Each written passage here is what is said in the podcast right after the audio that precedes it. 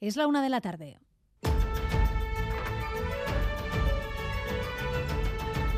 Crónica de Euskadi con María Cereceda.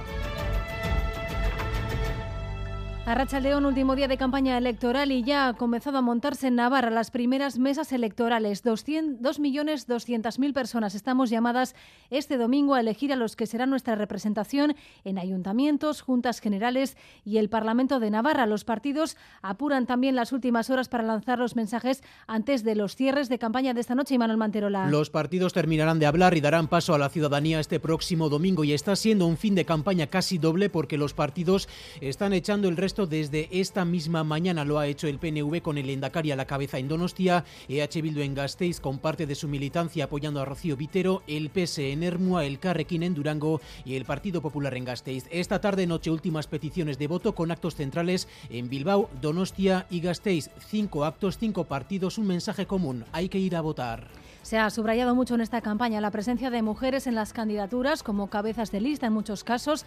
En el caso de Gasteiz, los partidos con más representación han puesto todos mujeres al frente de sus candidaturas. ITV.eus ha analizado todas las listas. En el 37% hay mujeres ocupando ese primer puesto. Enseguida vamos con ese ranking. Y hoy volvemos a hablar de la gran jubilación. Los empresarios llevan meses alertando de la gran cantidad de puestos de trabajo que quedarán sin cubrir de aquí a unos años.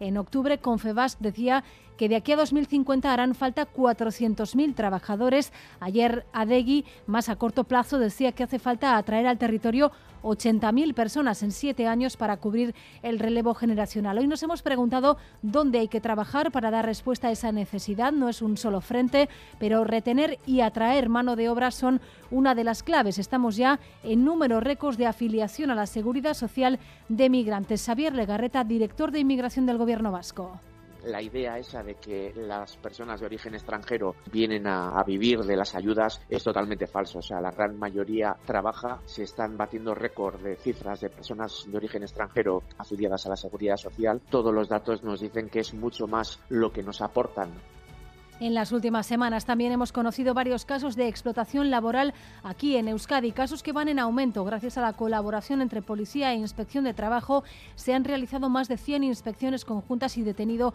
a 15 personas. Los últimos este miércoles, dos empresarios que explotaban a personas sin permiso de trabajo en jornadas de 9 horas, los 7 días a la semana en un taller textil de Bilbao por 200 euros al mes. El inspector jefe de la Policía Nacional de Extranjería en Bilbao explicaba en Boulevard que en este caso los tenían ocultos, pero que hay un amplio número de casos en los que la explotación tiene lugar en locales de cara al público, por lo que destacaba la importancia de la colaboración ciudadana que los propios empresarios juegan con ese miedo a la policía y con ese miedo a su situación para, digamos, eh, imponer esas condiciones. Claro, muchas otras ocasiones son establecimientos abiertos al público, ya le digo, fruterías o peluquerías o incluso bares.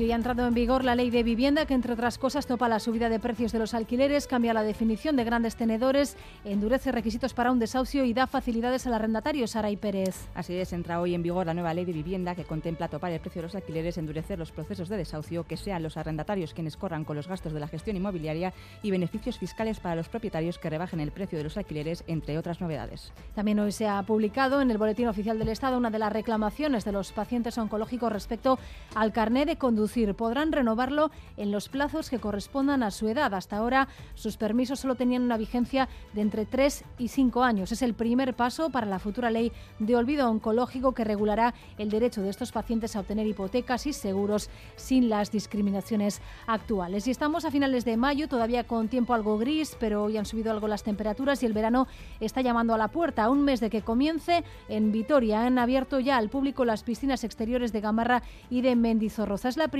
capital en abrir las piscinas descubiertas con novedades. Se unifican los horarios de apertura a las 10 de la mañana y también habrá mayor accesibilidad para personas con discapacidad. Pese a que hoy no llueve, ya ha salido el sol, todavía nadie se ha atrevido a darse ese primer chapuzón. Escuchamos a Eukeni Martínez y Livia López, director y concejal de Deportes de Vitoria-Gasteiz. Esta campaña 2023 también trae consigo algunas novedades centradas en la mejora de la accesibilidad de las instalaciones para personas con baja visión y personas con movilidad reducida reducida. Llenas de gente no están, pero de agua transparente. Hasta hace poco los únicos que se han bañado son unos patitos que no han pagado abono, por cierto, pero les acogemos casi todos los años y bueno, eh, pues con ganas ya de, de ver a la gente disfrutar, ¿no?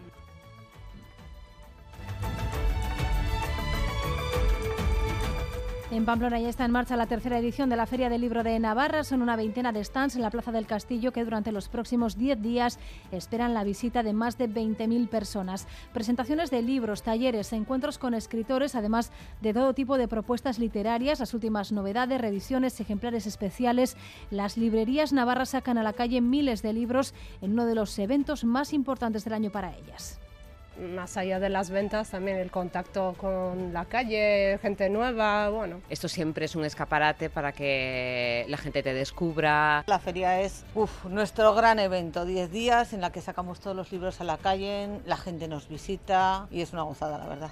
Titulares también del deporte, Álvaro Fernández Cadierno, Arracha León. Arracha León todavía con los ecos de la victoria de Osasuna ante el Athletic 2 a 0 que hace que los navarros dependan de sí mismos para conseguir esa plaza de la Conference en el Giro hoy etapa reina final en las tres cimas del Lavaredo Dolomitas baloncesto comienza el playoff de cuartos de final de ascenso a la ACB con el Coruña GBC y en pelota en Ezcaray partido por el tercer y cuarto puesto del manomanista Ezcurdia Darío.